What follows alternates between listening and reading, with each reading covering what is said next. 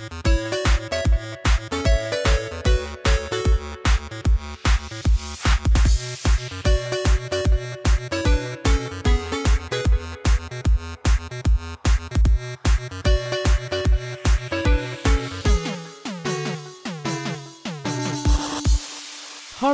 og velkommen til en ny episode av Spill. Mitt navn er Adrian, og jeg er programleder for denne podkasten. Dette er en podkast der jeg, sammen med en gjest, snakker om spillene som virkelig har betydd noe for oss. Vi snakker om retrospill som for eksempel eh, A Link to the Past, eller litt nyere spill som Bloodborne. I denne episoden så skal vi snakke om det første spillet i Resident Evil-serien. Vi vil også ha et lite fokus på remaken til dette spillet. Eh, Med meg så har jeg fått en gjest som er skikkelig fan av serien, og sammen med han skal vi snakke om dette spillet. Og da jeg tror jeg det er bare på tide å ta imot eh, episodens gjest. Og eh, du er vel kjent fra to andre podkaster, så da kan du introdusere deg sjøl. Ja. ja, jeg liker jo at uh, du kaller meg kjent, selvfølgelig. Uh, jeg heter Thomas Jørgensen.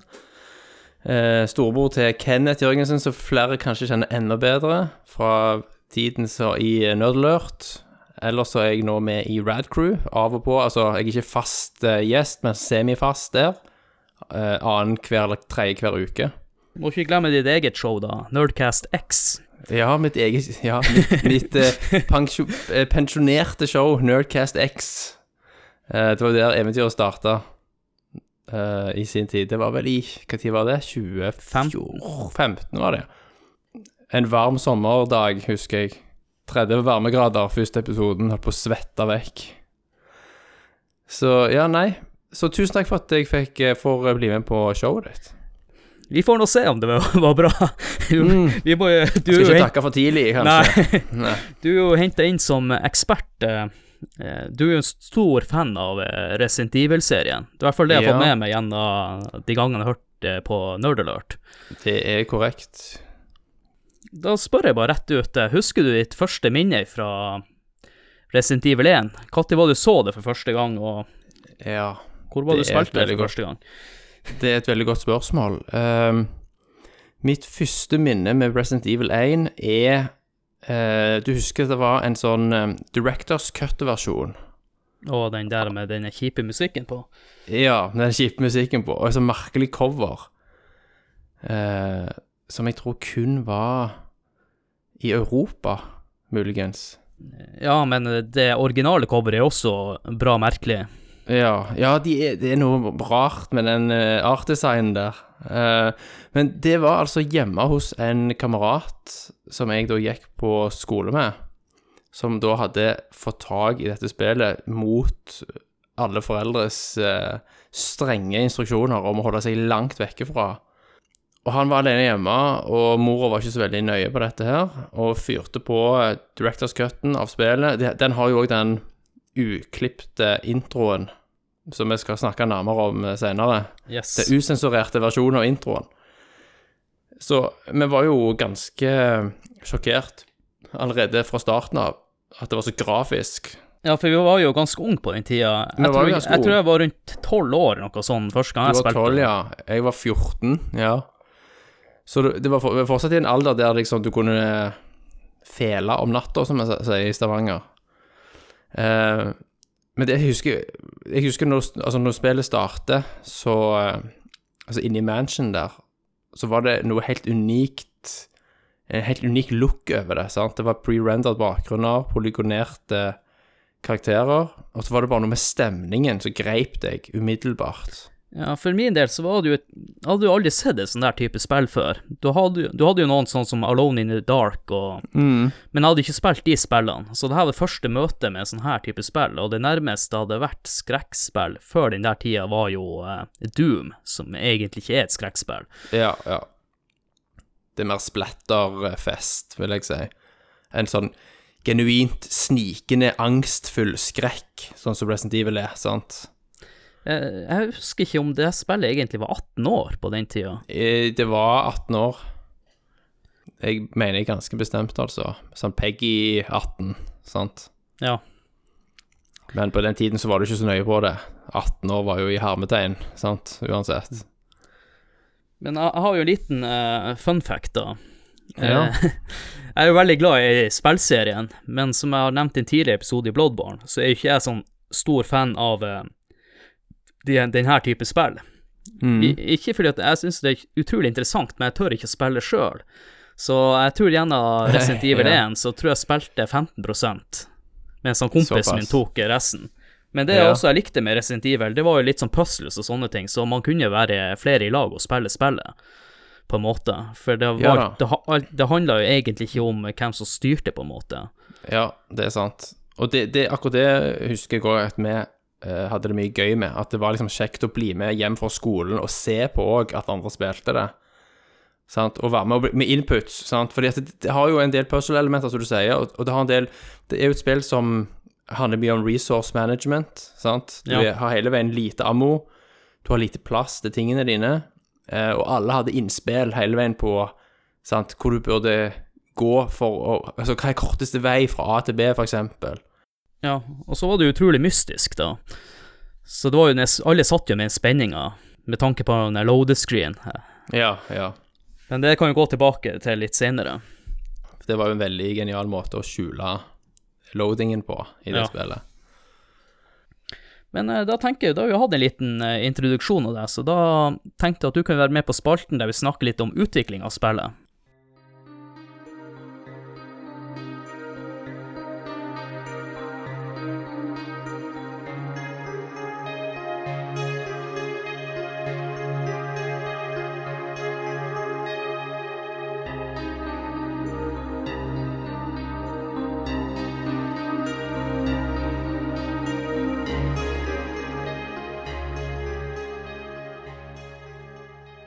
Thomas, da skal vi snakke litt om utvikling av spillet. Yes. Så jeg kan jo bare begynne så smått med at eh, prosjektet starta allerede i 1993. Der han, eh, en kar som heter eh, Fujiwara, tror jeg var, Ja. han eh, foreslo det her eh, prosjektet skulle basere seg på et spill, eller en oppfølger til et spill som heter Sweet Home. Hørt noe om det spillet? Absolutt. Og for de som hører på, så anbefaler jeg å gå på YouTube og søke det opp og se videoer av det. Så vil du bli ganske overraska over hvor mye det ligner på, Res på Resident Evil. Hvor mye som faktisk ble med over. Og det, det er også kanskje ikke folk eh, vet om eh, spillet Sweet Home. Det er egentlig basert på en film med samme navn som ble lagd i Mhm. Japan. Der det er et filmcrew som skal gå inn i en mansion og, og lete etter malerier, og der er noen spøkelser og greier. Yes. Men jeg må også bare nevne en litt kul funksjon. Vi skal ikke snakke så mye om Sweet Home, men den kule funksjonen der at du har eh, fem stykker i partyet ditt, der du må samarbeide. Du vet i skrekkfilmer så bruker alle å spre seg til alle eh, kanter, Yes. sånn som i Resident Evil. Men her oppfordrer de til at du skal ha alle party med deg hele tida rundt deg. Mm, mm. Og så der kan jo alle dø, og da er det Da er Da er det game. Ja. Ja. Men eh, selve Resident Evil Han fikk jo foreslått det her eh, Sweet Home, mm. da. At de skulle lage en re remake av det, på en måte. Men eh, det morsomme her er jo at han Mikami Han var ikke noe særlig interessert i den ideen her, for han var egentlig ikke så særlig glad i skrekkspill. Stemmer. Så han måtte overtales til å være med på det her prosjektet, og da fortalte han Fujiwara litt om ideene sine. Det begynte med at det, skulle være en remake av Sweet Home. Helt til de kom over eh, Mikami kom over eh, spillet Alone in the Dark, som tror kom ut i 92 eller noe sånt. Mhm. Derfor får folk lov til å arrestere meg. Skriv i, eh, Ja. i episodeteksten der, hvis det kommentarfeltet. Så eh, fra der så begynte det å utvikle seg mer til et annet type spill. Og hvis jeg ikke husker helt feil, mellom Nå blir det veldig rotete her, da. Men Mm. mellom eh, ja. utviklingsfasen fra Sweet Home til uh, Alone in Dark-inspirert spill, så var det tenkt som en sånn first person-kameravinkel på det. De prøvde seg på det. Det, var, det er vel- noen sånn um, tech-demo-lignende greier. Sånn proof of concept-kode, så jeg har lest at noen har sett. Uh, og det ser helt for jævlig ut. Ok, jeg har ikke sett det, faktisk. Har ikke, altså Det er ikke tilgjengelig på nett, så vidt jeg vet, men jeg har lest uh, altså artikler der de beskriver uh, hvordan det så ut, og det var så pikselert og forferdelig at du skjønner hvorfor de skrinla det. Det var jo på hardware òg som ikke makta så veldig mye av den slags, uten at det så helt forferdelig ut, sant. De zombiene i Resident Evil, de er jo inspirert fra George Romero Ja. det sine zombiefilmer. Mm. Så det, det var ei utvikling der imellom på hvordan type fiendene også skulle være. Men en annen kul funksjon som de hadde med i prototypen, det var en eh, coop-modus. Så man kunne spille coop eh, i starten. Og jeg tror det var en kar i 2000 som fant ei kildekode. Stemmer det. Men jeg tenker sånn i praksis med coop, med tanke på din eh, fikse kameravinkelen Kamera, du har i ja. spillet, hvordan, hvordan klarer du å skifte frame, på en måte, eller eh, Nei, det, de kunne jo ikke sett ut sånn som de gjør nå, Nei. hvis de skulle ha beholdt det. Det hadde ikke gått an. Ja, du husker jo bare til eh, Super Nintendo, for eksempel eh, Super Probotector og sånne ting. Mm. At man ikke kunne hoppe videre for at han, den andre spilleren sto på andre sida av mappet. Så jeg, jeg tror det hadde vært noen utfordringer der, så det forklarer vel hvorfor de droppa det. Ja, Men, ja. men en funksjon som eh, de droppa, som egentlig de burde beholdt, det var at du kunne bytte våpen in game, så du slapp å gå inn i menyen. Og det tror jeg kunne vært en funksjon som har vært bra. ja for, da, hadde du òg beholdt intensiteten i noen av stedene, sant. Du bryter jo opp action når du pauser spillet, selvfølgelig. Selv om noen ganger så har det jo hatt, det har jo hatt noen sånn gameplay-fordeler, selvfølgelig, at du kan trykke på pause for å få puste litt, og så skifte våpen og herje, og så komme tilbake til action, men det gjør jo noe med brudd i narrativen, sant, og handlingen. Ja, du blir ikke stressa på samme måten, for du kan Nei. bare trykke pauseknappen, og så kan du tenke kjempelenge på hva neste trekk er. Mm. Så det er absolutt noe de burde ha Ja. fått med. Men vi vet jo ikke grunnen til hvorfor de ikke ble med. Det kan hende at det var noen tekniske greier som Ja. Eller at de måtte ofre kanskje for mye av det som gjorde spillet så spesielt, med kameravinkler og sånn. Ja. Sant? Du, du, jeg tipper du måtte ha kameraet lenger ifra generelt. Sant? Veldig mye av spillet går jo på trange korridorer, tette kameravinkler, Mm. Eh, som spiller på at du ikke ser hva de ser. Sant? Du kommer ut av ei dør, så står du i en gang, og så er karakteren gjerne ser på en måte mot kamera, retningen, men det, du må på en måte gå videre til en ny frame for å se hva de faktisk ser, og hva som befinner seg i det rommet. Alt det hadde blitt mye vanskeligere hvis du hadde hatt to karakterer. Det er bare spekulasjoner, selvfølgelig, men En, en ting jeg faktisk så så sent som i dag, det var en konseptart av karakterene som skulle være Ja. med i spillet. Jeg tror det var han Barry, og så var det en til karakter. De var bytta ut med noen andre. Eller det her var før han Barry, da. Han ene så ut som en svær gorilla, og han andre så også også ja, veldig ja. sånn cartoonish ut. Så jeg er kanskje eh, glad for at de ikke valgte å gå den veien. Det var litt mer sånn, som sagt, cartoonish og Jeg har lyst til å bare nevne det igjen. eh, de hadde sånn full motion videos i filmen. Nei, i filmen, men spillet. Ja, i introen og Jeg har noen eh, fakta der. Det jeg trodde hele tida, det var at eh, de skuespillerne der var også stemmeskuespillerne i spillet. Stemmer. Det er jo en common mistake, visstnok. Ja. Og jeg har jo eh, forska litt på det her. Eh, Jeg har noen fun facts. Han, eh, karakteren som er, spiller han Barry, ikke stemmeskuespilleren, for stemmeskuespilleren han er faktisk norsk. Det er jo ganske kult. Han heter faktisk Barry, eller Barry Gjerde. Det er helt utrolig, egentlig. Det virker jo som de har navngitt karakteren i spillet bare etter stemmeskuespilleren, da. Ja, det må de kanskje ha gjort, i hvert fall med han Barry, når du vet også at han ikke var en karakter i starten. Så kan det godt hende at de har henta inspirasjon fra han. Men, men det komiske er jo han som er skuespilleren i eh, FMV-sekvensene. Mm. Han var en eh, australier, jeg tror det heter Gregory Smith. Han gikk jo bare på gata i Tokyo der, og ble stoppa av noen fra Capcom. Og lurte på om han hadde lyst til å være med som skuespiller. For han, grunnen til at han ble plukka ut, det var for at han ligna litt på han Barry, holdt på å si eh, Karakterdesignet, Ja, eller skissene deres, ja. men han ser jo ut allerede der som han Barry er, er jo 38 år i spillet, men han, han ser ut som en sånn han er 55. Ja, han gjør det. Ja, så ja, han hadde ikke noe skuespillererfaring. Og hun som spiller og Jill, Der er også en mistake. Hun står på IMDb som ei som heter Una Kavanagh, men det er ikke hun.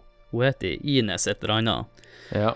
Og ingen så klart finner ut egentlig hvem hun er, siden de ikke er gitt med etternavn.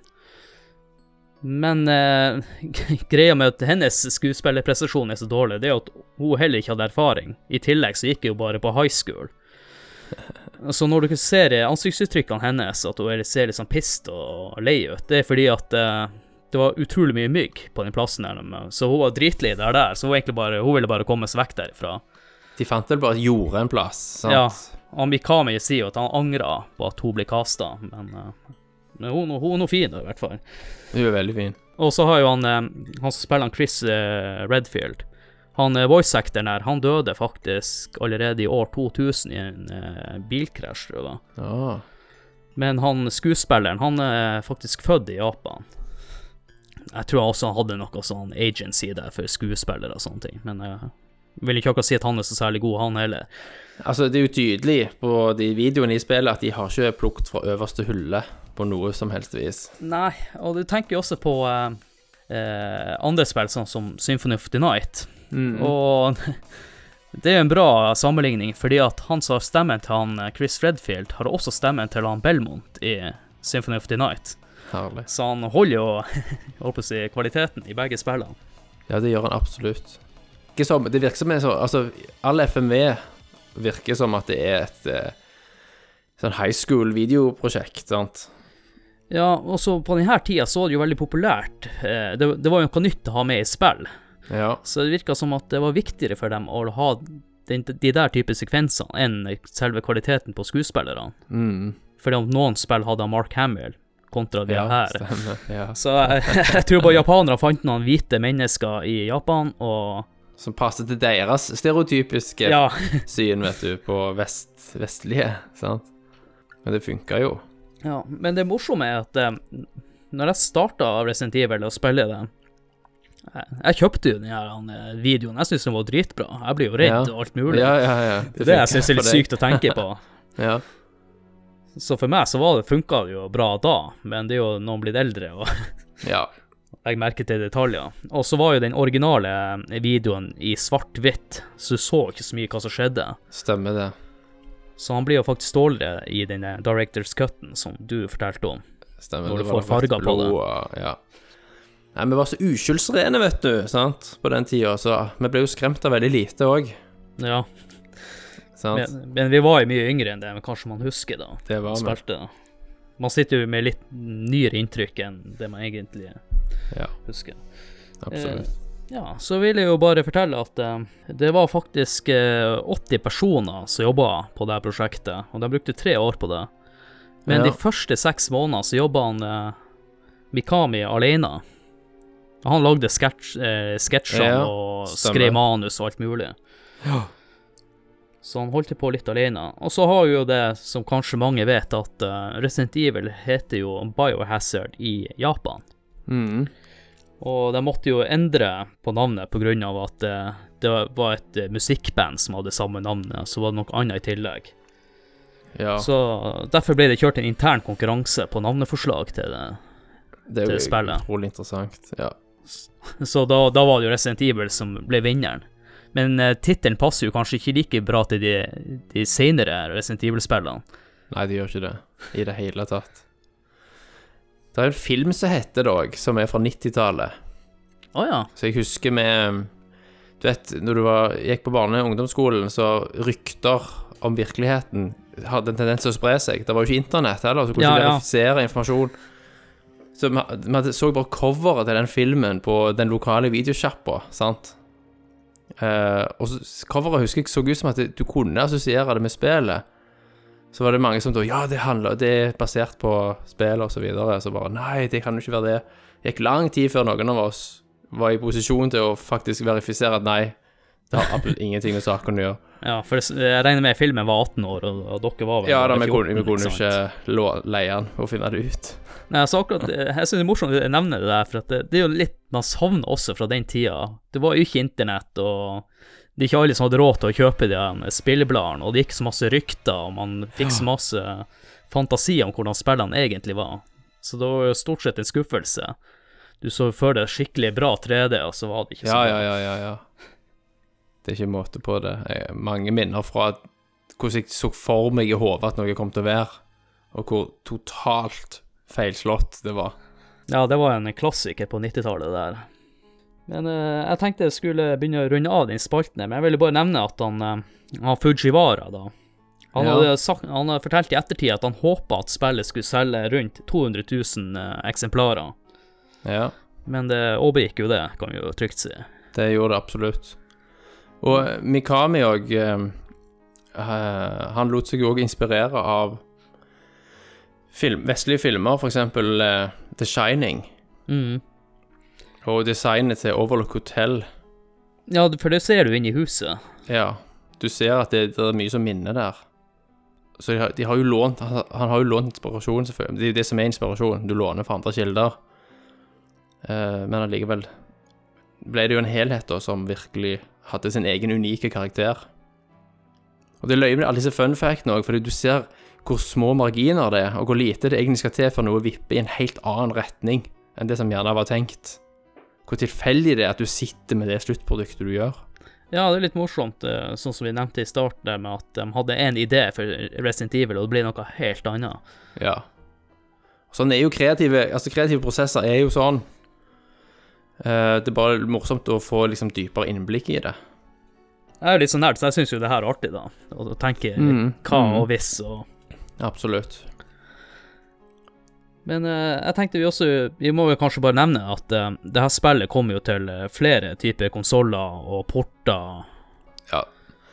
Eh, Har du, har du vært borti den Gameboy Color-versjonen? Ja, jeg jeg har sett den. Ja, jeg har bare sett den. Og det, det holder, det, for å si det sånn. Men jeg har en, eh, en liten fun fact, da. Du har eh, Resident Evil til DS. Ja, Der har du eh, på den øverste skjermen så har du kartet og inventoryen din. stemmer. Jeg hadde det. Men hvis du bruker den stylusen, den penna da, og tepper på S-en, så reagerer det karakterene på at du tepper den på S-en. De hopper litt fram og sånn, og lager sånn lyd. Kødder du? Det er jo typisk sånn ja, ja, japanskgreier. Jeg tror ikke Ja, det hadde er- funka i dagens metoo, der at du tepper S-en til å jill. Nei, overhodet ikke. Det var noen tvilsomme kameravinkler òg opp gjennom årene der. Ja, og uh, jeg husker ikke helt de, de klærne du kunne få i ettertid, men uh, Ja, du har i hvert fall Resident Evil 4, der du er 14-åring med litt for lite klær i stemmer. Og noen uh, ekstreme kameravinkler. Når du kryper under bord og sånn. Så var det ikke mye overlatt til fantasien, i hvert fall. Nei. Men uh, føler du at vi har uh, fått med oss uh, Det er sikkert masse vi kunne ha nevnt i, om utvikling av spillet, men jeg føler at vi har tatt med Det meste. Jeg, jeg vil bare få nevne også dette med de pre-rendered bakgrunnene. sant? At Hvor imponerende det faktisk var for sin tid, da. Det er veldig bra du sa det, for at jeg tenkte jeg skulle nevne det sjøl og holdt på å glemme det av. Ja. Jeg tror det var en utrolig smart måte å lage spillet på. Mm. Fordi at var eh, Og grunnen til at de ville lage på den måten, det ga huset mye mer detaljer. Mm. Ja, det føltes eh, mye mer ekte, vet du. sant? For å si sånn, hvis du sammenligner med Mar nei, eh, Mario 64, da, det er ja. Nintendo 64 Det er ikke mye detaljer på de veggene i det spillet der. Nei da. Det var en tid der det var en fullstendig kompromiss. Hvis du valgte 3D, så, så forsvant alt av teksturer og, og detaljer. Ja. Men du fikk selvfølgelig 3D-ens bevegelsesfrihet. Mens pre-rendered betydde automatisk mye rikere detaljer. De detaljene gjør jo også at spillet blir mye skumlere og creepiere og alt mulig. Det var jo en PC-port eh, som kom kort tid etterpå, som eh, ikke var funka særlig bra. De hadde jo ikke tilpasset oppløsningen heller, sant? fordi det var jo en original PlayStation-oppløsning. Ja. Pluss du vant Altså, på en vanlig CRT-TV, så blir jo mye Mye urenheter, for å si det sånn, blir jo skjult av hvor dårlig teknologi det er snakk om. Så bare du spilte det på en vanlig PC-skjerm, så så det jo helt forferdelig ut, sant. Som tross alt på den tiden òg hadde mye høyere oppløsning enn en TV. For å forsvare Resident Evil 1, så husker jeg også Tekken på den tida. Den var jo, der, der var jo karakterene ekstremt stygge. Ja. Jeg tror når jeg vi var på den alderen, så hadde vi et filter når vi så 3D-figurer. Jeg så ikke Mm. de firkantige eh, hodene. For meg så så de ut som det var fra Ja, som remaken, nesten. Ja, ja, ja. Det er den der nostalgifilteret, vet Ja. du. Det er ikke tøys. Ja. Altså, jeg vet ikke om vi skulle komme til det senere, men du har jo selvfølgelig den ultimate remaken, Resident Evil 1 Remake, som kom til GameCube. Men jeg tenker også vi kan eh, implementere remaken også. At vi veksler litt på originalen og remaken. Så kan vi også sammenligne ting. Og, for de gjorde jo Endra jo litt på spillet. De gjorde det, de gjorde det. Da kommer vi nærmere inn på det senere. Men uh, da tror jeg vi bare skal sette over til hovedspalten. Eller hva sier du, Thomas? Det høres veldig bra ut.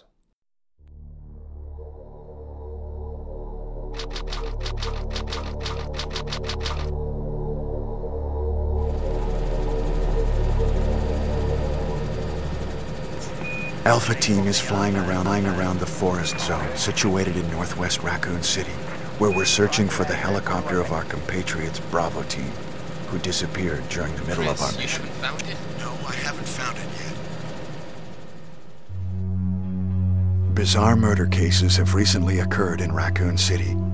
There are outlandish reports of families being attacked by a group of about 10 people. Victims were apparently eaten. Bravo team went to the hideout of the group and disappeared.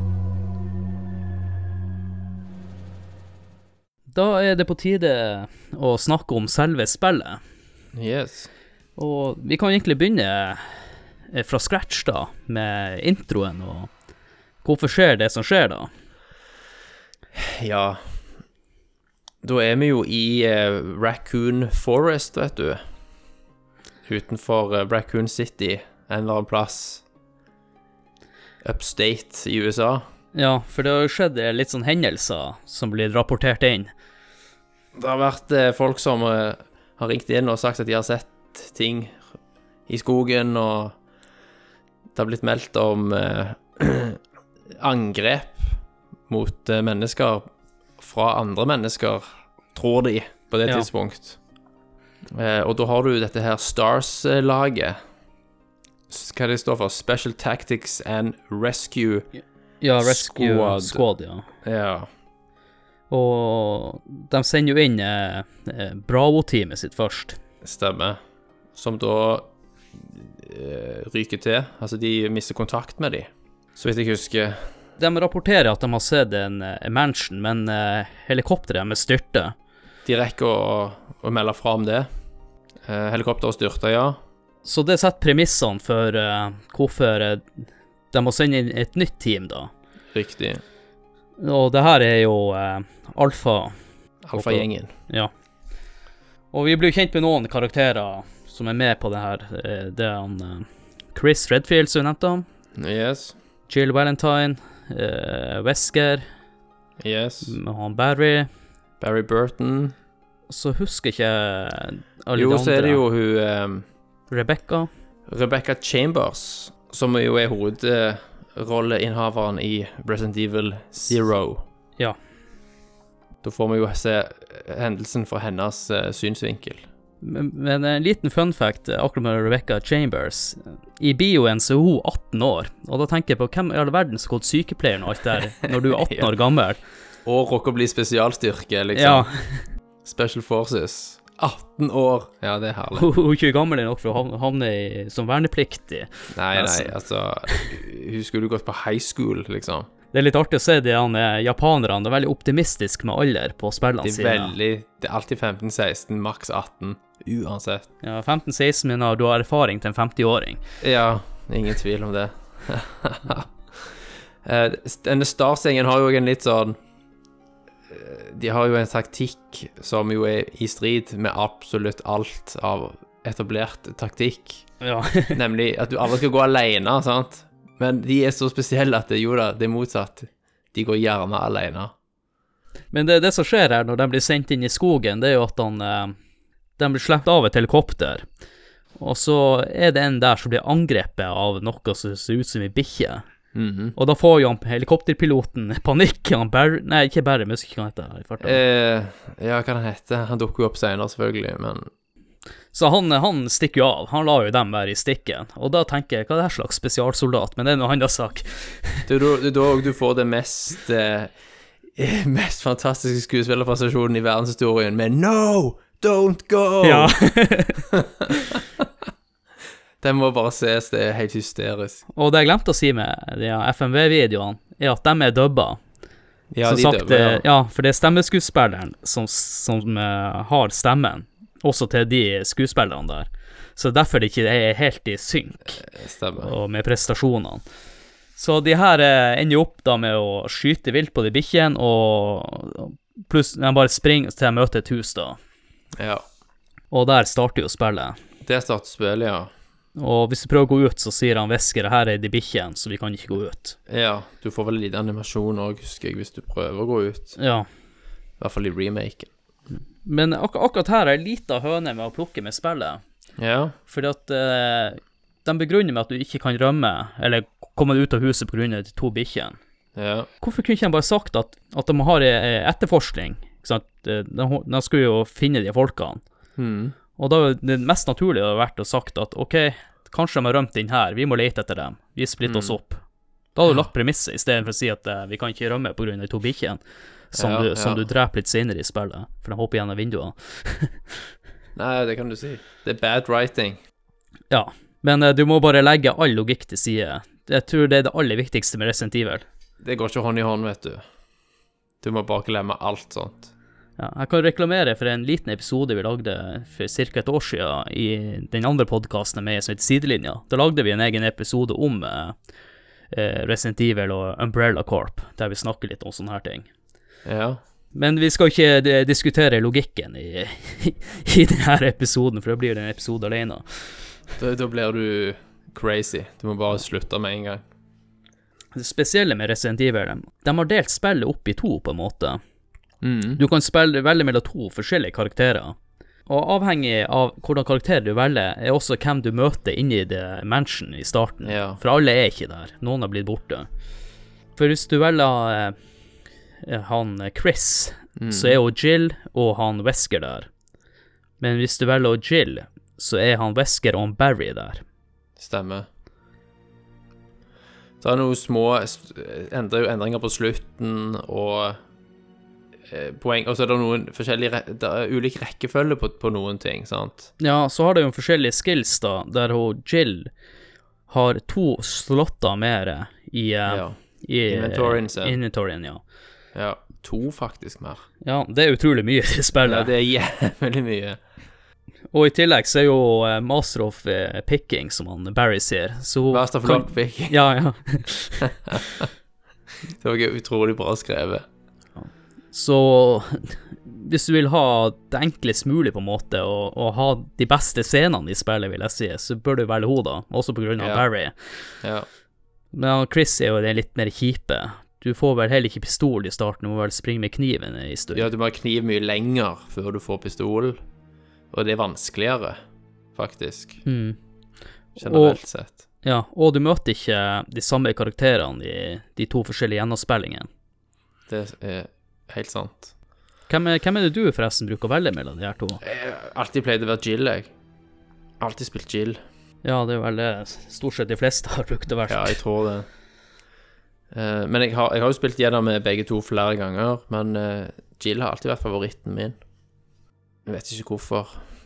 Det kan jo være de ekstra to eh, inventory-slottene hadde litt å si òg, altså.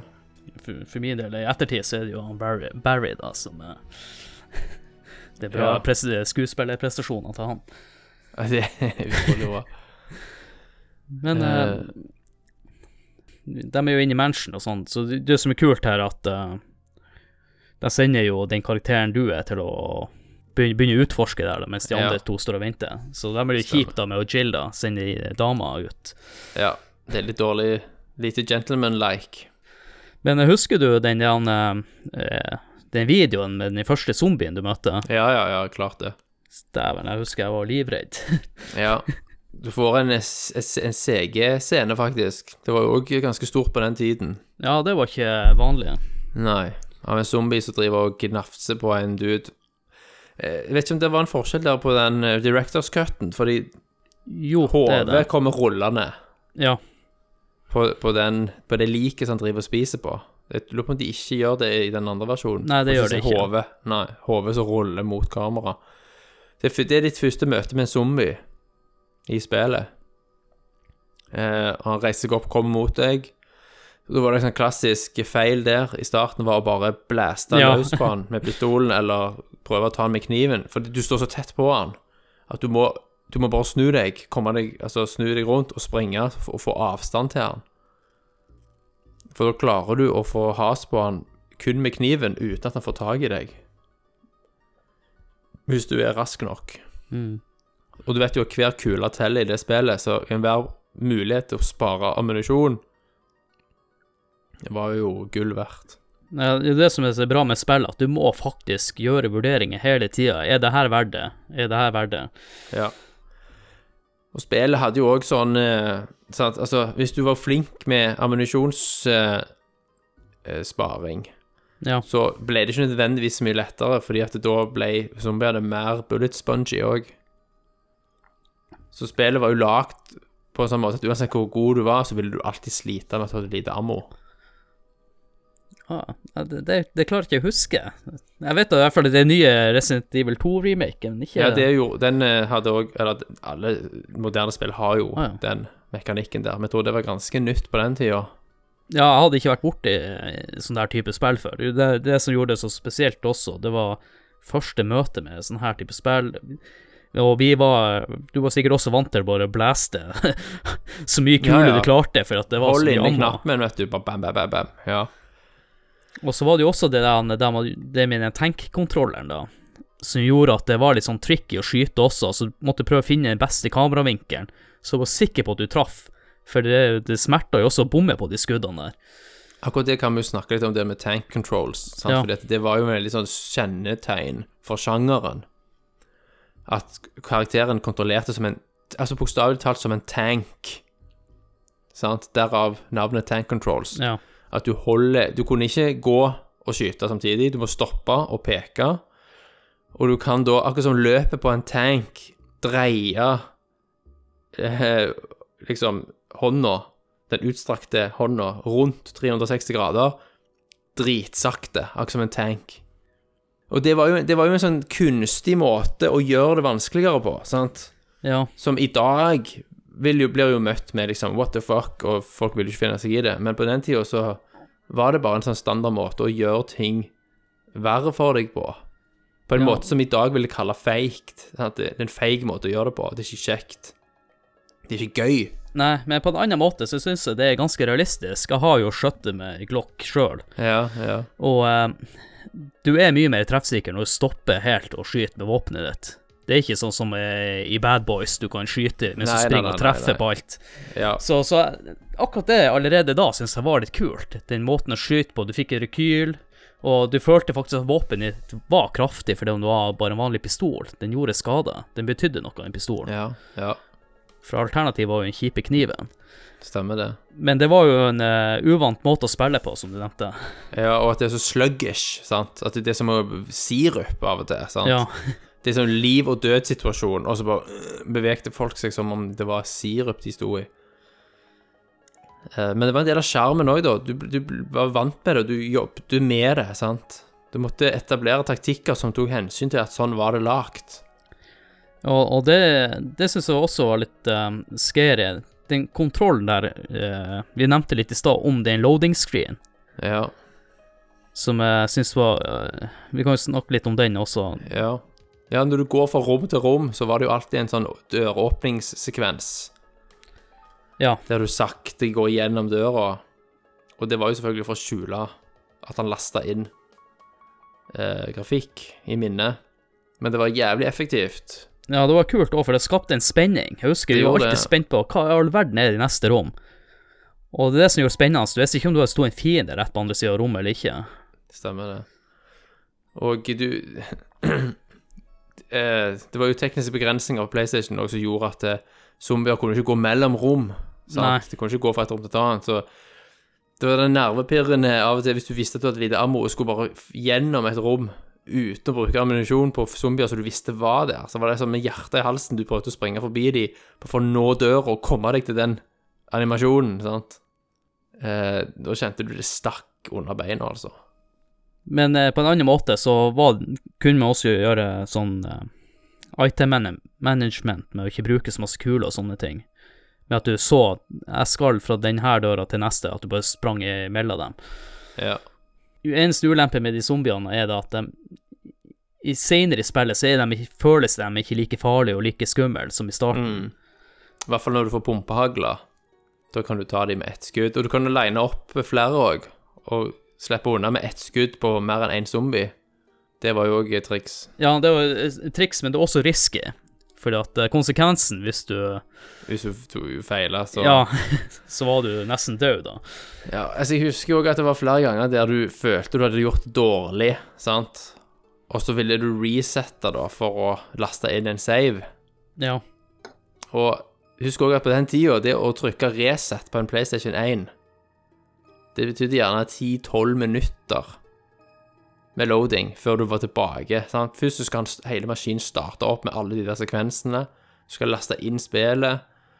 Du skal loade fra minnekortet. Det tok dritlang tid Ja. å komme seg inn i et fucking spill på den tida. Kidsa i dag skjønner jo ingenting. sant? De trykker på, og så er de inne i spillet. Det var jo en prosess å komme seg inn i et spill. ja, jeg husker ikke om du til og med måtte vente til plata var ferdig å snurre før du kunne starte det igjen. Jo, det stemmer det. Dobbel speed CD-rom hadde PlayStation. Og når du nevner med Resett, så, så hadde vi også en smart måte å hvordan du kunne lagre i det spillet på. For du hadde ikke free saving.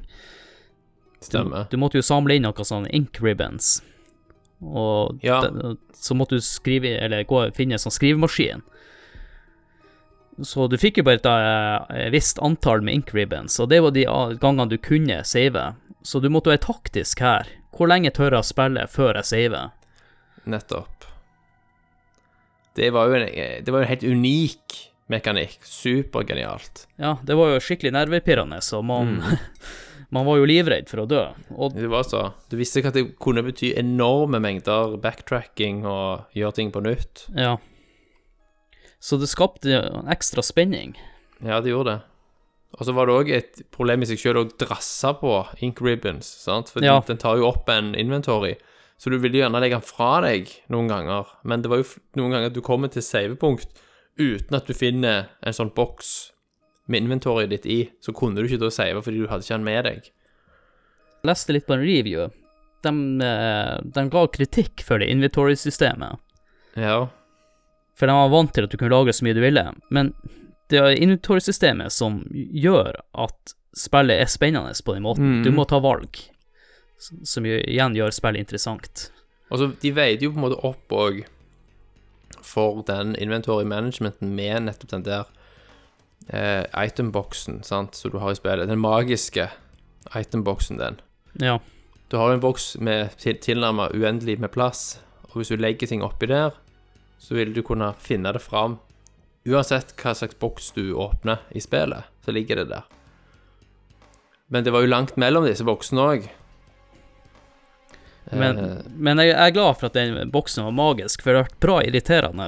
Ja, hvis det ikke var tilfellet, så Da hadde det gått fra å være på en måte en mekanikk som er interessant, og som utfordrer deg, til å bare bli kjedelig sant? og Mm. irriterende. Og det er det som er en sånn fin balanse. Når er noe stressende å, å gjøre det gøy, og når er det stressende å gjøre det drit. Ja, det, det er derfor jeg, sier at man må ikke alltid stille logiske spørsmål til Resident Evil. Den magiske boksen, allerede der får du jo store problemer. I starten av spillet så møter man stort sett på én type fiende. Det er jo zombiene. Mm.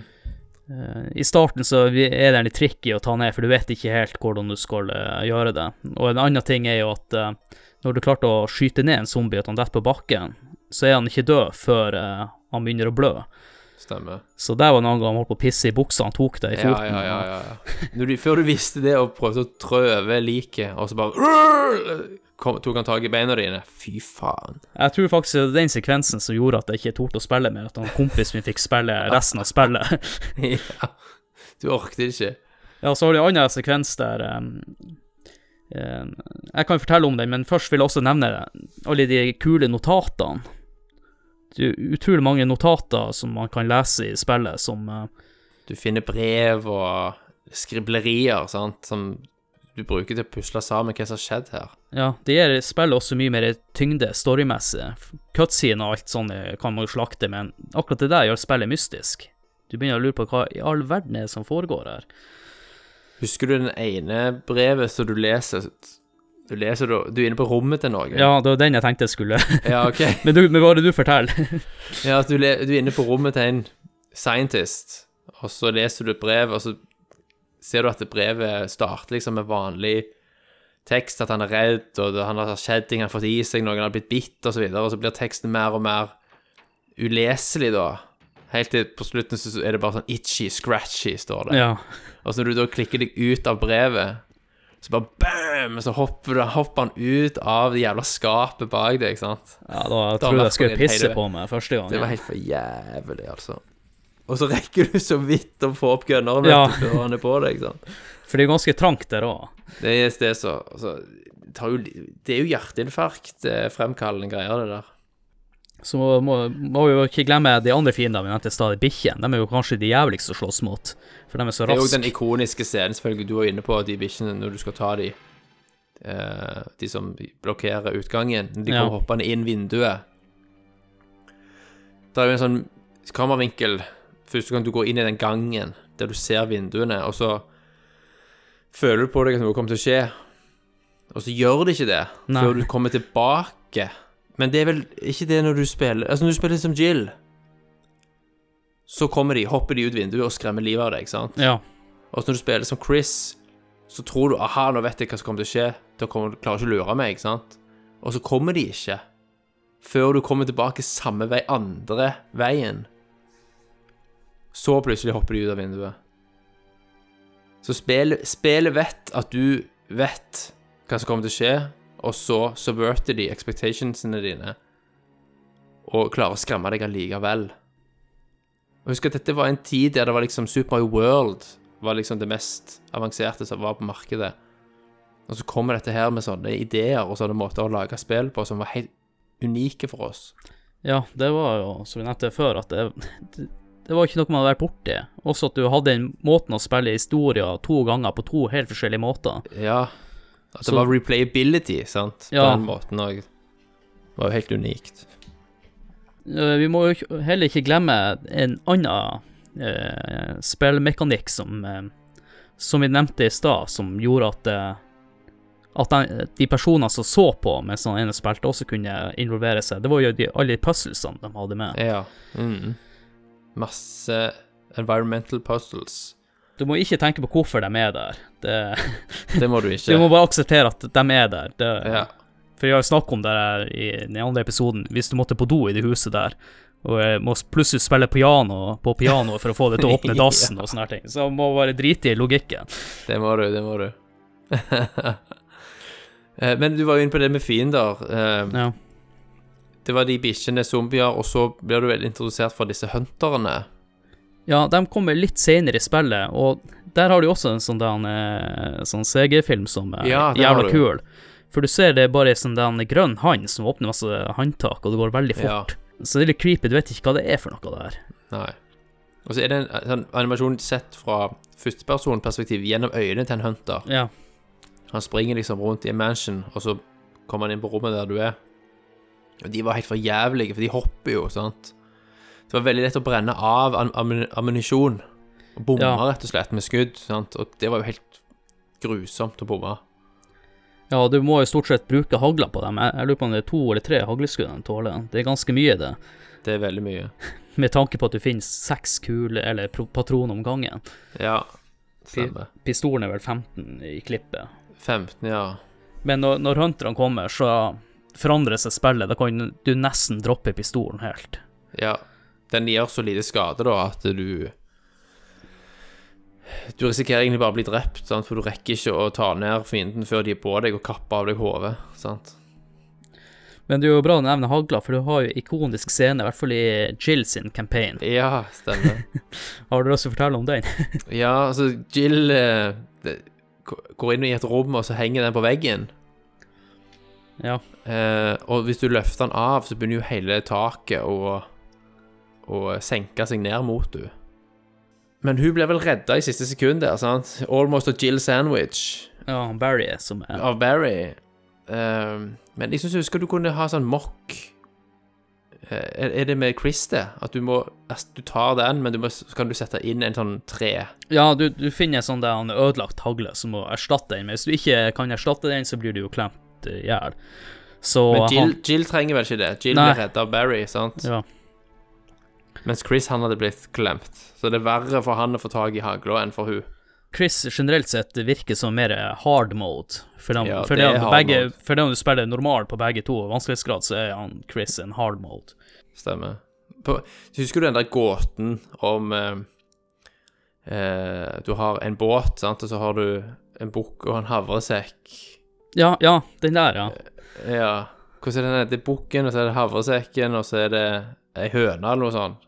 Så skal du ha alle, du skal ha alle tre over på andre sida, men du har bare plass til én i båten om gangen. ja. Så er det et tankeeksperiment. for- hvordan sant, Hvis bukken er alene med havren, så spiser han opp havren, og hvis høna er alene, så spiser han opp havren, og, og bukken dreper høna, eller hva faen. Men det er i hvert fall en Sånn opplever jeg Resident Evil. Sant? Det er veldig sånn Du har lite plass til ting. Du skal ha ting fra A til B. Og du må på best mulig måte planlegge hvordan du skal få gjenstander fram og tilbake. Og det kule er jo, sånn som du sier, det er at eh, hvis du er litt god i spillet, eller har blitt litt cocky, så vel- velger du å droppe no, noen våpen da, for å ta med deg ekstra items for å klare de puzzlesene. For alle puzzlesene krever små item, Ja. og noen til itemene må du gå og sjekke inn i menyen for å snu og vende på. Det synes jeg også var litt kult. Du kunne finne Ja, en sånn ja, eh, ja. hemmelig åpning bak en medaljong, og inni medaljongen var det et eller annet. Eller åpne ei bok. Ja, og så gjør spillet på en måte at du føler deg litt smart, for da tenker du dæven, det her itemet kan jeg bruke i det rommet. Stemmer. Så man snakker mye om Metroidvania, men kan Resident Evil være et spill som også passer inn sjangeren her? For det er jo mye backtracking, Ja, ja. og du låser opp nye områder og ikke kunne kommet dit tidligere fordi om du ser døra, eller et eller annet. Så Ja, det er ikke dumt. kanskje det blir noe re-Metroidvania eller noe sånt, Ja, jeg vet ikke. ja, ja. Uh, så er det noen gjenstander. Husker du den der cranken? Det er alltid en crank. Den, sve, den sveiver Ja, sånn sveiv. Sant? Den går igjen i flere Resident Evil-spill. Ja. Det er sånn in game joke, liksom. At du alltid skal finne en sånn crank for å dreie i gang et eller annet. Ja, det var vel kanskje ikke en joke i starten, men var det blitt en joke, og Så de har jo spilt litt på det. Ja, ja. Det blir litt som Red, Red Alert-serien. Det var alvor i starten, men jeg skjønte jo sjøl Ja. hvor uh, Balls out. Det var Ja. Er det Sid i Final Fantasy som alltid går igjen? sant? ja. Og, og de to kompisene, eller de, de to Ja, stemmer. Jeg husker ikke i farta. Ja, de som var opp, eh, oppkalt etter disse i Star Wars. Ja, det var Wade og Wade, ja. og og husker ikke han siste. Nei, ikke jeg heller. Eh, hva jeg skulle si, at eh, vi snakka jo litt om eh, eh, de fiendene. Ja. Jeg tenker jeg bare hopper rett over til eh, bossene, for det, jeg diskuterte med en han, han jeg faktisk spilte med her da jeg var liten, Ja. at det, for ikke så lenge siden, de bossene i Resident Evil 1, de er ikke noe sånn kul på en måte. Mm. Det er jo eh, en gigantisk edderkopp, en gigantisk slange, en gigantisk kai, eh, og en plante som jeg syns er Yes. teit. ja. Og den, den planten kan du jo drepe på to forskjellige måter. Den ene vel du kan ha gift i, i røttene. Du kan drive og gå rundt og samle diverse kjemikalier som du må blande, og så forgifter du røttene. Så visner han bare. Mm. Hvis du ikke gjør det, så må du gjennom en heftig fight. Brenne av masse ammo Ja. og acid rounds. Men trikset på den eh, planten Du skyter kanskje ett eller to pistolskudd, og så flytter det, for da kommer det noe sånn farlig gift. Ja. Så du bare repeterer den. Uh, han, den slangen, den har jeg egentlig ikke skjønt. Uh, var- han, er, han er litt for mønster. Men jeg husker ikke hvordan rekkefølge de kom i, om det var slangen først, og så var det planten, og så var det edderkoppen. ja, jeg husker ikke edderkoppen, men slangen mener jeg var før eh, planten, i hvert fall. Eh, men ja, det er jo ganske sånn uh, sprø boss-design. Ja, jeg syns de er litt teite, ikke sant. Det er jo greit at de har De har jo drevet på med forskning Du finner jo ut etter hvert at eh, at eh, om firmaet Umbrella, som holder på med forskning, eh, Mm. og at eh, de er skyldige at alt det har skjedd. De har jo lagd viruset som fører til zombifiseringen, sant? Men jeg skjønner ikke helt hva jeg skal med en, en kjempeslange og en kjempeedderkopp og en kjempe jeg holdt på å si, en kjempetorsk, en kjempehai. Så Ja. Det er sånn biovåpenforskning, sant? Men, Ja, men- eh, hvor praktisk det ville vært eh, Men igjen, det var det du sa, vi må ikke stille for mye Nei. spørsmål her, vet du. Sant? Men jeg vil bare sette, stille litt kritikk, for du har jo de skumle zombiene og skumle hunterne, skumle bikkjene og det han Ja. Nå kom jeg på en til en som var med i, eh, i teamet. Mm. Han eh, eh, Forrest eller noe sånt. Han blir jo hakka i hjel av noe av kråke. Det syns jeg var litt teit da Ja, jeg var ja, ja. At eh, kråken var farlig. Stemmer. Det skjønte jeg ikke. For de virket ikke noe annet enn kråker, egentlig. Nei, jeg tror ikke den var noe Nei. En eller annen Kenneth, hva det han heter? Kenneth Forrester, eller noe sånt. Ja. Ja. Du finner bare I- lik, i- altså. Ikke, ikke bror din. Nei, dessverre. Ja. Men eh, det jeg skulle si, er at eh, jeg syns at de bossene kunne gjort, det litt mer creepy, på en måte. At, at eh, For du har jo de han bikkjene, de ser jo ut som noen zombier. Men slangen og sånne ting, de har ikke noen skavanker på seg. De har eller- så ikke De er bare gigantiske versjoner av vanlige dyr eller insekter. Og jeg vil ikke si at eh, noen av dem Jeg ble ikke redd når jeg var tolv. Jeg blir heller ikke redd nå lenger. Nei, jeg er enig. At de var litt sånn De kunne gjort mer ut av det der. De kunne gjort noe som var eklere og mer skremmende. Sant? Så um, vi har jo snakka litt om The Mansion, da. Og, så, så det er jo litt kult at man, som sagt, du finner ut det skjer mye mer uh, crazy shit her. Ja. Du finner ut òg Altså, vi kan jo spoile ting nå så lenge ja, ja, ja. ja. ja, altså, du finner jo òg ut at Mansion er jo ikke den originale Mansion. Nei, Det er òg jo sånn japansk craziness. Det er liksom han galne eh, Umbrella eh, founderen som Han vokste jo opp i en mansion som var, så sånn ut, og fikk han gjenskapt som en del av eksperimentene de holder på med. ja. Så altså, bare det er jo insane. Hvor, hvor praktisk er det, liksom? Sant? Altså, det òg virker som noen bare har tenkt ut faen, det er ikke så logisk med denne jævla mansion. Hva skal vi Jo, vi bare skriver inn at det var egentlig ikke den ekte mansion, og sånn. Yes, problemet løst. Sant? Men, men kom det her fram i det første spillet? Det husker jeg ikke. Eller er det retcon det er kanskje? Ja, jeg, er- litt usikker. Jeg husker ikke. Jeg skal ærlig innrømme at uh, når vi spilte det før, så leste vi ikke igjen alle notatene. Nei, du får ikke med deg alt, vet du. Men uh, som sagt, uh, du er i mansion, men du finner, du finner noe grotte der. Og så finner du den der labben. Ja, da har du de nakne zombiene. Ja, dem er creepy. Dem, Og de, du har sånn, de der tasselydene, de tasser rundt, og så lager de en annen litt sånn øh, En mer sånn high-pitched moan som bare gikk inn i merg og bein, altså. Jeg måtte jo faktisk forske på det, for jeg trodde det var en annen type fiende, men det er jo bare nakne zombier. Ja. Og så har du òg de der apegreiene der som kapper av deg hodet. De der som er oppe i taket. Ja, det er Chimeras, heter den. Ja. De òg De tar deg på ett slag, liksom. Hvis, de, hvis du er uheldig, så bare tjup, så har de kappa deg hodet. Det er vel stort sett da, alle fiendene i spillet. Du har jo noen sånne små slanger og sånne her ting, men det er, det er egentlig ikke så mange typer fiender i det spillet der, når man tenker sånn. Det er ikke det. Så har du selvfølgelig eh, disse her eh, eh, Altså hovedfienden, da. Sant? Altså Wesker blir jo en tyrant, sant? Ja, men det morsomme med Wesker Du får litt hint om hva, det, hva som skjer, for at han, han Wesker er Du møter han på forskjellige plasser. Mm. Du møter jo en som heter Enrico, som er fra Bravo-team, nede i den den grotta som jeg snakka om. Ja. Og du, du finner han, og så blir han skutt akkurat når du prater med han. Så han er en som klarer å si umbrella, et, et, et, Ja, et, eller annet.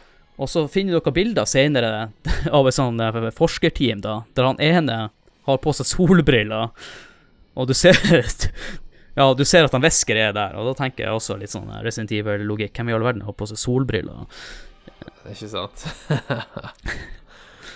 Det er mye galskap. Så du finner jo ut etter hvert da at han eh, Wesker egentlig jobber for Umbrella, og han har starta opp Stars, for jeg vet ikke hvorfor, egentlig. Ja, For Stars er jo egentlig oppretta bare eh, eh, kort stund før det her skjer. ja altså det, de, de er vel oppretta for at de skal òg være en del av datainnsamlingen. Sant? Hvordan klarer de seg mot dette våpenet, dette biovåpenet? T-virus, eh, og, og alle de mutasjonene det fører til. Så det er, alt er jo liksom et gigantisk forskningsprosjekt. Jeg vet ikke om du har sett de der Wesker Files, som var en del av uh, Code Veronica. Nei, jeg har ikke Hvis du går på YouTube og søker opp Wesker Files, så er det en sånn klipp fra Code Veronica X til PlayStation 2, som var den PS2-versjonen av Dreamcast-versjonen, Ja. der han drar igjennom mye historikk da, fra, fra A til Å. Som er ganske interessant, for de som er interessert i den balls out-storyen òg, da, selvfølgelig. Men eh, vi snakker jo om Wesker der, men du finner jo til slutt ut at eh, de holder jo også på mitt supervåpen, da, som er den Tyranten du nevnte. Ja. Det ultimate det biologiske våpenet, sant. Men jeg vet ikke om i begge gjennomspillinger om han eh, Wesker blir spidda av Tyranten.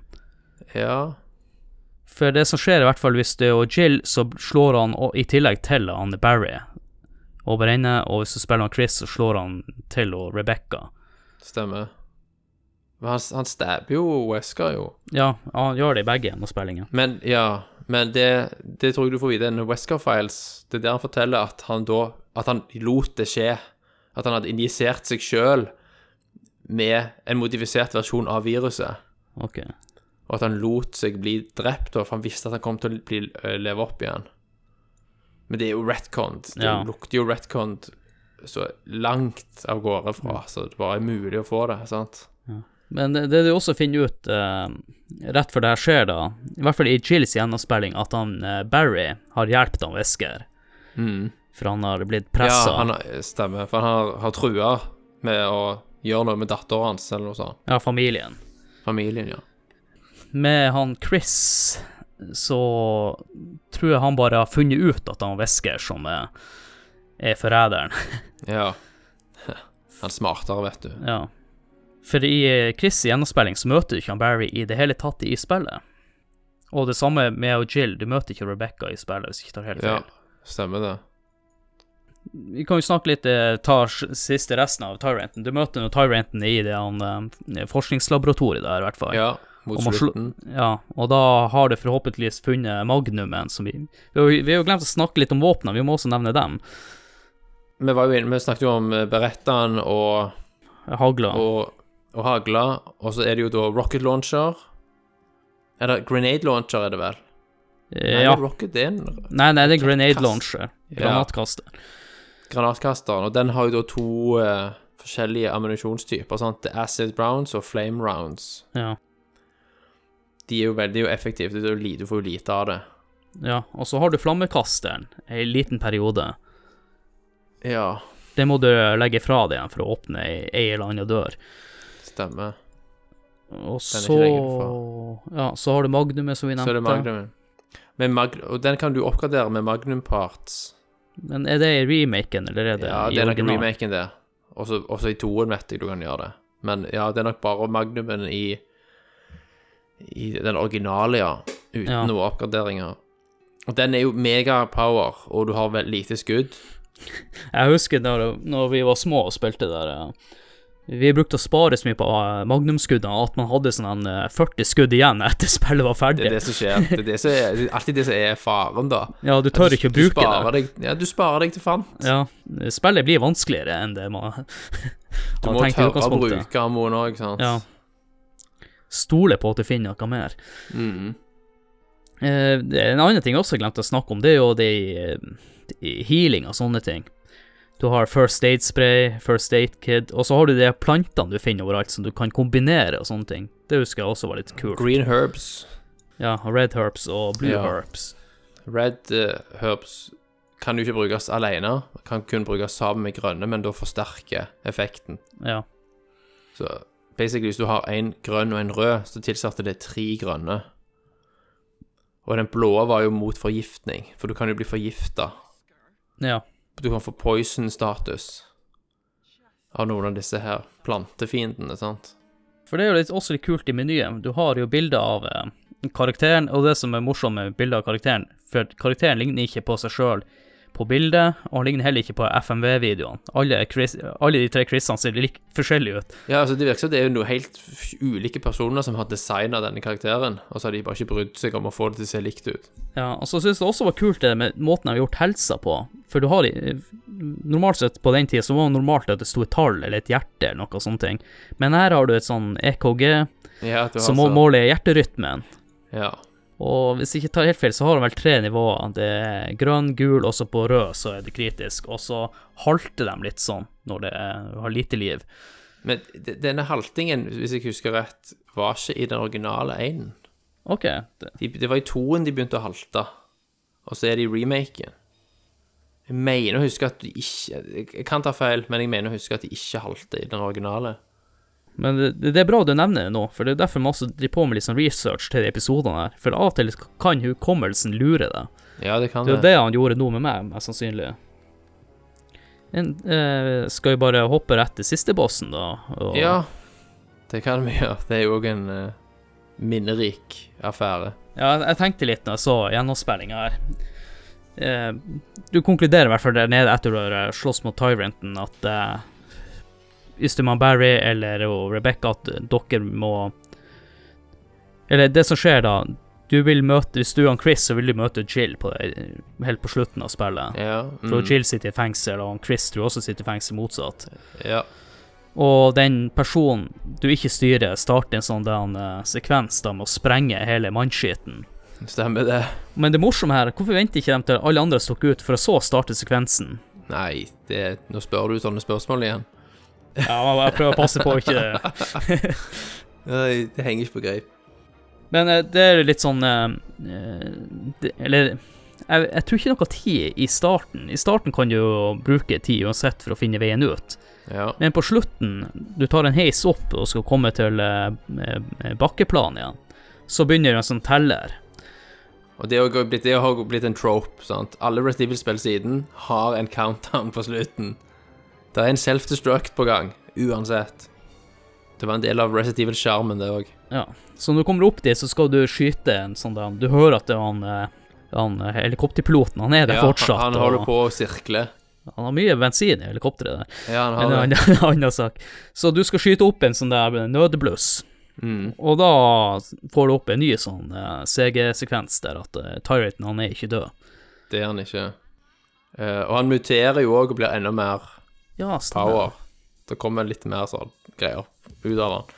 Så den siste fight der, på helikopterpad, eh, altså landingsplassen du driver, du driver jo og gir han en del skade, og som regel så er du ganske tom for ammo der, sant, og begynner å få litt Ja. panikk. Og det er jo da den karakteren du ikke er, dropper ned en eh, eh, En bazooka, er det vel? Ja. fra helikopter Here, use this! Det har Ja. jo blitt en trope. Den går igjen. Eh, og da blæste du jo eh, hele jævla Tyranten i fillebiter. ja. Men det jeg tror med det her Jeg tror Jill kan drepe ham første forsøket. Men Chris, Ja. så slår han unna den første raketten. så, du skyte, så du må skyte to ganger. Ja, du, du er nødt til å skyte to, ja. Ja. Han, han tar hånda sånn og liksom deflekter. ja. Men det jævlige er at du har kun fire forsøk. Du har så Så hvis du bommer med alle, da er du død, liksom. Ja. Ja, det er nervepirrende. Og så klarer du da dette her, så rekker du selvfølgelig akkurat å evakuere helikopteret tidsnok til å se at hele mansion eksploderer til helsike. Og så er det en, sånn, se, en eh. FMV-sekvens inne i helikopteret, da. Og den er jo litt forskjellig ut ifra hvem du eh, har runda spillet med, sant. Og så har du forskjellige slutter. Jeg har ikke sett alle sluttene, eller i hvert fall ikke i seinere tid. Det er mer enn to. Altså, det er vel Er det ikke en der Barry Ja, han Barry er på Jill. Da sitter han der og pusser på den lille lekepistolen sin, som ikke ligner magnumet han bruker i spillet. Stemmer, For i selvfølgelig. FMV-videoen er jo svart, mens i spillet er den jo sølvgrå. Uh, ja, den, den husker jeg godt. Og så flyr de inn i solnedgangen. Chris jeg tror ikke du ser Rebekka, i hvert fall ikke på den videoen jeg så. Da var det bare han og Jill, og så ser du at mansion sprenges. Ja. Det er en ganske heftig avslutning. Men uh, bare sånn liten ting Uh, Husker du noe fra Jeg tenkte vi kunne bare sammenligne litt uh, det første spillet, Resident Mm. Evil, med remaken som kom i 2002. Ja. Jeg ble jo helt mindblown når jeg så første gangen bilder fra remaken. Det gjorde jeg òg. Når de viste karaktermodellene, så var det som du trodde ikke dine egne øyne, sant. Det, det var jo helt uvirkelig hopp i grafikk. Eh, og remaken kom jo til GameCube. Ja. Uh, jeg husker jeg skulle i militæret, faktisk. Det, eh, omtrent samtidig når dette spillet kom. Altså, det, var ikke, det var ikke lange tiden før jeg skulle i førstegangstjeneste. Og jeg husker ennå den dagen jeg skulle i førstegangstjenesten. Altså, jeg skulle møte på Madla-leiren på, på, på kvelden, liksom. Og da satt jeg og var mot slutten på remaken og ville så sinnssykt runde det spillet før jeg måtte av gårde i militæret, liksom. Jeg tror ikke jeg rakk det, faktisk. Jeg måtte save og så gjøre det seinere. Oh, det må være tortur. Det var veldig forferdelig. Men den remaken er vel et sånn prim eksempel på hvor perfekt du, du kan gjøre det når du skal lage en remake, sant. Eh, Det var, det var bygd opp fra ground up, selvfølgelig, med nye bakgrunner. Alt var jo håndtegnet og med vanvittige detaljer. Hadde de jo lagt inn De la jo inn animasjoner i stillbildene, sånn at alt så mye mer levende ut. Lys og flikker og trær som blåser i vinden. Sant? Det er jo filmsekvenser, men det var lagd på en måte som gjorde at det så så mye mer levende ut.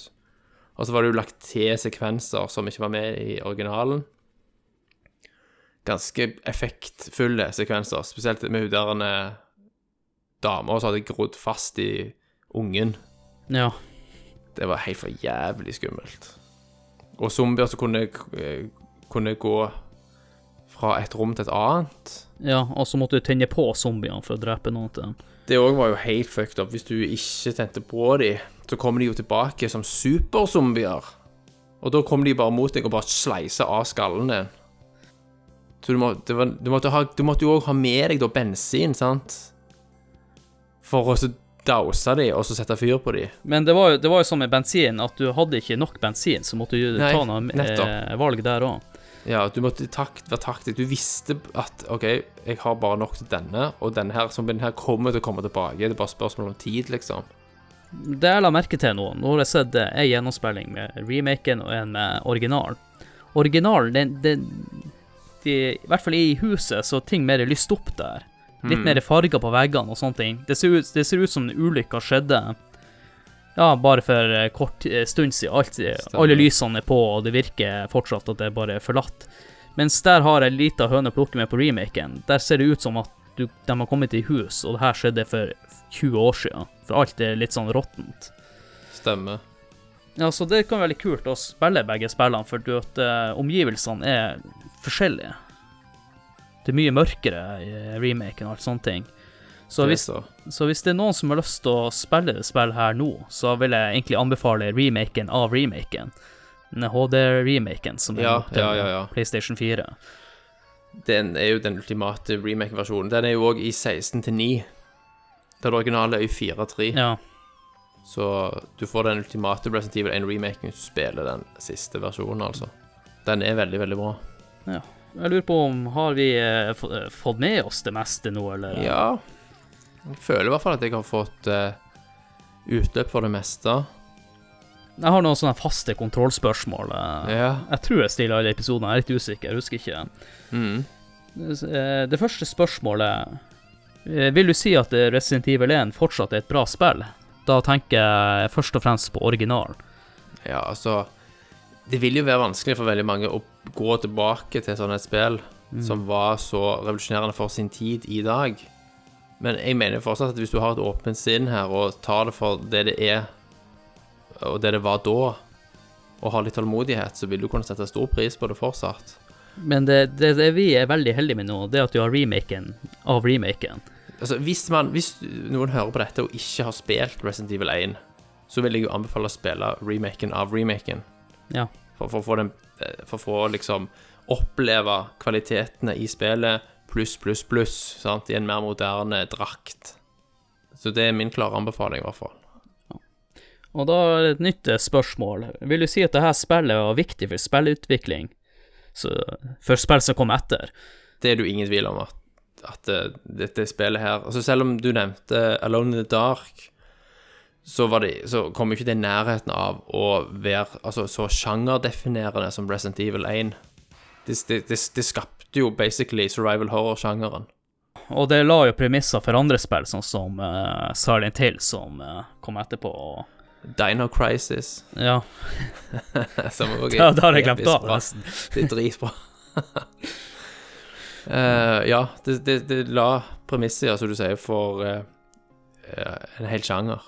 Det er dessverre, som vi fikk erfare i ettertid, etter Resident Evil 4, vil jeg si, at eh, Capcom begynte å falme litt i blinde. Det gjorde de. De, De eh, skulle tekkes for mange, vet du. ja, Var det Resident Evil 5 du var så glad i, eller var det 6? Nei, altså, 6 er jo balls out. Ren galskap. Og er underholdende hvis du spiller med en kompis, men det er ikke et Resident Evil-spill. Det er underholdende på samme måte som en Michael Bay-film er underholdende. Ja, Du, det er ikke skummelt, du er ikke redd. Sant? Du, det er bare galskap. det, det blir for mye, rett og slett. Ja. Og femmen òg var kjekk å spille i coop, men det er jo ikke gode, gamle Resident Evil. Firen òg skapte jo en helt ny måte å lage denne type spill på, da. Eh, men remaken av toen, som kom i år, er jo prima eksempel på at du kan fornye det Resident Evil 1 gjorde i dag, sant? Eh, Jeg har, jeg har jo noen jeg kjenner da som mener fortsatt Jeg mener at toa skulle eh, gjort, gjort på samme måte som eh, remaken av ena. Ville fortsatt beholde det han fikste kameravinklene, men det kunne vært kult, det òg. Tenk den grafikken du ville fått da. Ja. Jeg ville sagt, jeg ville sagt meg enig i det før jeg så hva de faktisk fikk til med toen. Sant? Det de gjorde med, med, med remaken av toen, er å perfekt merge den gamle stilen med Resident Evil 4-stilen. På en måte som jeg ikke trodde var mulig. Men nå har jo også kommet sjua, og, og det er en first person uh, Ja. First person-spill, som igjen, vi nevnte tidligst da, de hadde en idé om å lage first person-spill til ena. Men uh, det er egentlig jeg lurer på, da, hva du ønsker de fortsetter med? Er det den sjua, eller er det den remaken av toa? Hvordan retning håper du at de tar noe i serien? Nå tror jeg at mest sannsynlig så vil de fortsette med begge to, men hvis jeg skal velge én Hvis jeg måtte valgt én, og den andre ikke ble noe av, så ville jeg valgt eh, Resident Evil 2 uh, Remake, remake. uh, måten å gjøre det på, med tredjeperson over skulderen.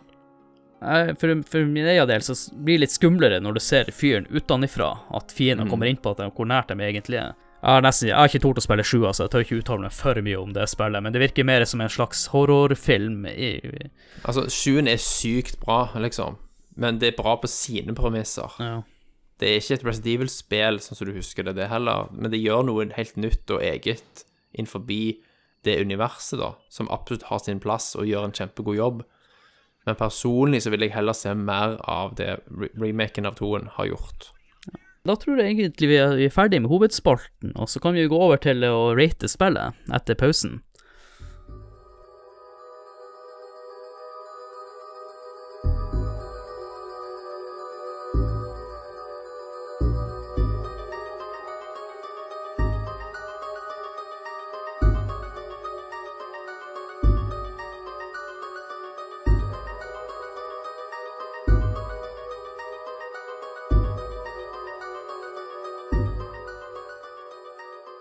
Da er det på tide å rate spillet. Og vi Yes. gjør Ja, og det Måten vi rater spillet på Vi bruker eh, karakterskalaen fra Nintendo-magasinet, som han Håkon eh, Puntervold, eller Puntis, Puntisen, vet du. har funnet fram. Og da bedømmer vi etter fem kriterier. Mm. Det er grafikk, lyd, spillkontroll, underholdning og holdbarhet. Og verdiene vi setter er fra, fra eller skalaen er fra 1 til 10 da. Mhm. Og da begynner vi med det første punktet som er grafikk. Og hva du Ja. vil gi grafikk? Altså, jeg antar vi skal da vurdere det ut ifra konteksten av når det var nytt. Eller tenker du i dag? En blanding, men jeg Ja. lurer på at eh, Ja. Vi, tenker, sant vi kan gi remaken og den originale. Ja. Vi, vi, vi bedømmer begge, for det blir ikke For- fair å bedømme Nei, det gjør, ikke, det gjør ikke egentlig det, sant. For du, du har liksom Du har liksom brill, du har ulike briller på deg, ikke sant. Uh, men totalt sett så syns jeg at det, det ser veldig bra ut fortsatt. I hvert fall med remaken, selvfølgelig. Og det Ja. så veldig bra ut når det kom, og det satte òg en, en ny standard for uh, pre-rendered eh, grafikk. Så for meg så jeg er på en nier, jeg, altså. Du er så et eh, Ja. I hvert fall med remaken og måten de lagde skiller, hvis du skylder dem eh. Jeg er enig med nier på remaken, men originalen Ja, hvis vi skal gi én til hver, så Ja, jeg tenker det er mest rettferdig, da. mm, mm. Eh, Det er klart at det er noe jagginess i i den originale. Eh, men samtidig, de kjørte jo på hardware som så vidt var i stand til dette her, sant. Så jeg må gi litt uttelling for det òg, så da lander jeg på åtte. Eh, Jeg gir originalen en syver. Ja. Eh, Så har vi over på lyd, da. Vi snakker ikke så mye om lyden. Det er ikke så mye musikk i spillet. Det er ikke men mye musikk, men det er bra lyddesign, og jeg har ei lita høne å plukke med lyddesignet, og det er eh, gålyden i spillet. Ja, jeg skulle til å si det. Stegene er jo ræv, liksom. Alt er jo fiksa i remaken, men originalt sett så var det ganske lav bitrate, for å si det sånn. Ja, og så var den veldig høy. Den har ikke Ja, tenkt å være så høy, den lyden. Sånn Klikk, klakk, klikk, klakk, liksom. Eh, men, men når du ble angrepet av zombier, var det dynamisk? Altså, da begynte musikken liksom å rampe opp. Eh, Og så var det jo ekkelt, de zombielydene. Ja, men det var kontekstsensitiv musikk, liksom. Mm. Det var stilig. Og så må ikke glemme den fantastiske musikken når de saver rommet. Du, Ja. slapp, du slapp skikkelig av det. Det er det mange som Jeg har hørt folk som har den på mobilen, liksom, som vekking. Ja, jeg vurderte det faktisk. For du våkner liksom Ah, jeg føler meg trygg. ja, den er sweet. Ja. Så lyden for meg, ja, syv. Ja, jeg er inne, på det samme som deg. En syver. Med musikken er bra, og det som trekker ned, er, mest eh, gåinga og noen sånne ting. Og sånne eh, zombielyder. Sånn, sant? Altså når de beveger seg, så er det veldig sånn lav eh, kvalitetslyd. Og vi har vært inne på det før i episoden med spillkontrolleren. Den Ja. eh, berømte tenkekontrolleren. Altså, det har jo, som vi var inne på, fordeler og ulemper, sant. Og eh, det var jo med på å øke spenningsnivået i sin tid. Og det funka jo etter sin hensikt, altså. Jeg, og på den tiden så var ikke jeg plagt med det heller, for du visste ikke om noe annet, sant. Så det var ikke sånn du tenkte.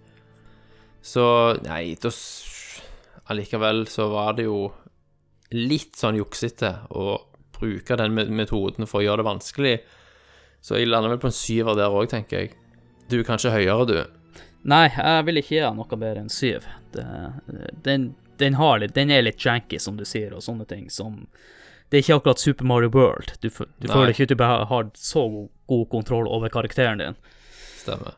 Så Dermed også føler du av og til at det er urettferdig. Det er ikke din feil når det går Ja. galt noen ganger. sant? Du kan ikke skylde på deg sjøl alltid. Nei, det er bra du beskriver det, for det er det jeg tenker på en god kon eh, kontroller. Du skal føle at det er din feil, det er ikke spillmekanismen sin uh, feile. Stemmer, stemmer. Ja. Så har vi eh, underholdning, da. Ja, det er jo ti.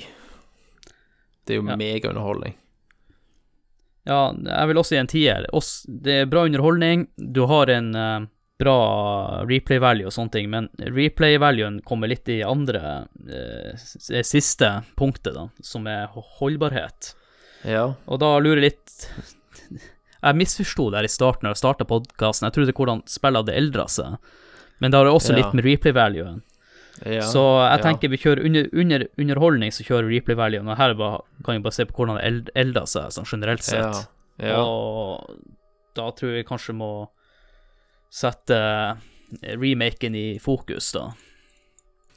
ja. For det, det, det må ses i, den, i sammenheng med at det har blitt lagt på nytt, liksom. Det er jo med på å øke holdbarheten på spillet, vil jeg si. Ja, jeg vil føle at uh, du kan si at uh, remaken er bare uh, en patch. De har jo bare gjort det bedre, samme spillet. Det er samme spillet. Det er samme spillet i 16 til 9, eh, rett og slett. Jeg skulle ønske de hadde hatt At de hadde at de hadde rendra assetsene, altså bakgrunnen på nytt, i 1440 og 4K. Det har de ikke gjort. De har vel spart på ressursene. Ja, altså Originalt så var jo dette her sikkert 480P sant, på GameCube. Så har du 1080P på den remaken av remaken. Men veldig mange av oss gamer jo i 1440 og 4K. Så de tok ikke den kostnaden, i hvert fall. Eh, men allikevel, det ser jo bra ut, og jeg, vil- jeg vil si det er nier, jeg. Ja, jeg vil også si at det er nier, fordi at de har kunnet solgt det spillet til flere generasjoner med konsoller. Ja, De har eh, klart å få det her spillet til å leve videre. de har det. Jeg kan si allerede nå, at hvis du, som vi nevnte i stad, at hvis du ikke har spilt spillet fra før av, så gjerne plukk det opp nå, og det vil føles nytt på en måte. Mm, det vil det. Kanskje litt uvant med tenkkontroller for folk som ikke har vært vant til det før. Den er jo òg litt uh, milda opp i remaken av remaken. Du har litt mer kontroll. Og du kan jo du kan hurtig snu Også, ikke sant. Du kan Ja. tappe og sånn at han, hun snur 180 grader, i hvert fall. Instantly. Så du kan alltid legge på sprang mye fortere enn vi kunne i gamle dager. Da har vi jo eh, fått bedømt spillet, Ja. og da er vi over til den eh, Jeg må jo pitche podkasten.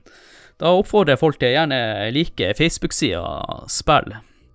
Og det gjelder deg også, Thomas. du har ennå ikke likt den, du heller? Har ikke jeg gjort det? Nei. Herregud.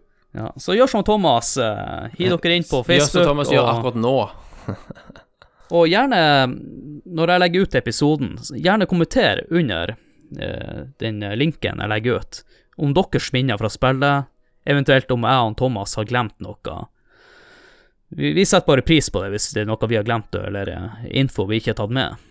Ja. Det er jo bare morsomt, for, i hvert fall for min del. Så gjerne, ja, så gjerne send inn en kommentar eller et eller annet. Eh, vi, du finner podkasten under sidelinja, faktisk, og grunnen til det, det er at jeg ikke orker å betale for to kanaler. Det er fair enough. Så spillet er en bonuspodkast til sidelinja, så du må søke opp sidelinja enten i Soundcloud, iTunes Eller det, er det heter ikke iTunes lenger, det heter faktisk eh, Apple Podcast eller noe Ja, det gjør det vel, ja. Jeg har den. Han heter Apple Podcast nå, ja. Og så har du Spotify, og så diverse andre podkast-apper. Mm. Ja, og da vil jeg bare si tusen takk, eh, Thomas, for at du kunne være med som gjest. eh, Det var bare min glede, vet du. Jeg liker å snakke om ting som jeg står mitt hjerte nær.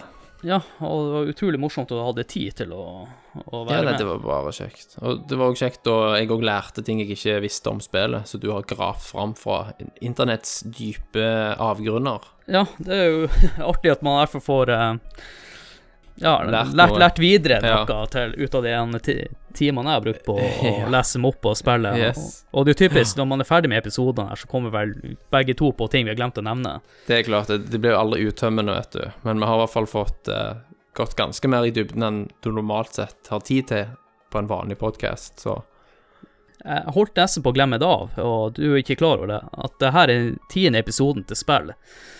Så jeg vil eh, også bare takke dem som har vært gjester så langt i podkasten. Jeg kan jo begynne med han Christer først. ja. som er i første, og den andre episoden med Otto fra Retrotimen. Og så hadde jeg med en som heter Trond Sinefor Borgersen. ja. Og så vil jeg takke han Ralf, han Jan, han Puntis og han Dagve. Uh, og han Kenneth, selvfølgelig, bror din. Holdt på å glemme av. Ja. Det hadde, hadde, hadde ikke tatt det fint. Og så du, Thomas, til slutt, som er Takk, takk. Det var det var episode 10, da. Så det ble liksom episode X, sant? Ja. En, Nerdcast en liten, X. liten hyllest til Nerdcast X, og det morsomme er jo at jeg har jo hatt med hele Nerdcast X nå i de ti første episodene. Det har du, ja. Ja, Tommy òg, da. Nei, Tommy er en- ennå ikke Han blir nok med hvis du spør fint. Han må bare ha et halvt år i, å tenke seg om først. Med Ja. det så vil jeg bare si takk til meg. ja, og takk for meg. Ja, og da sier jeg bare ha det. Ha det, ha det.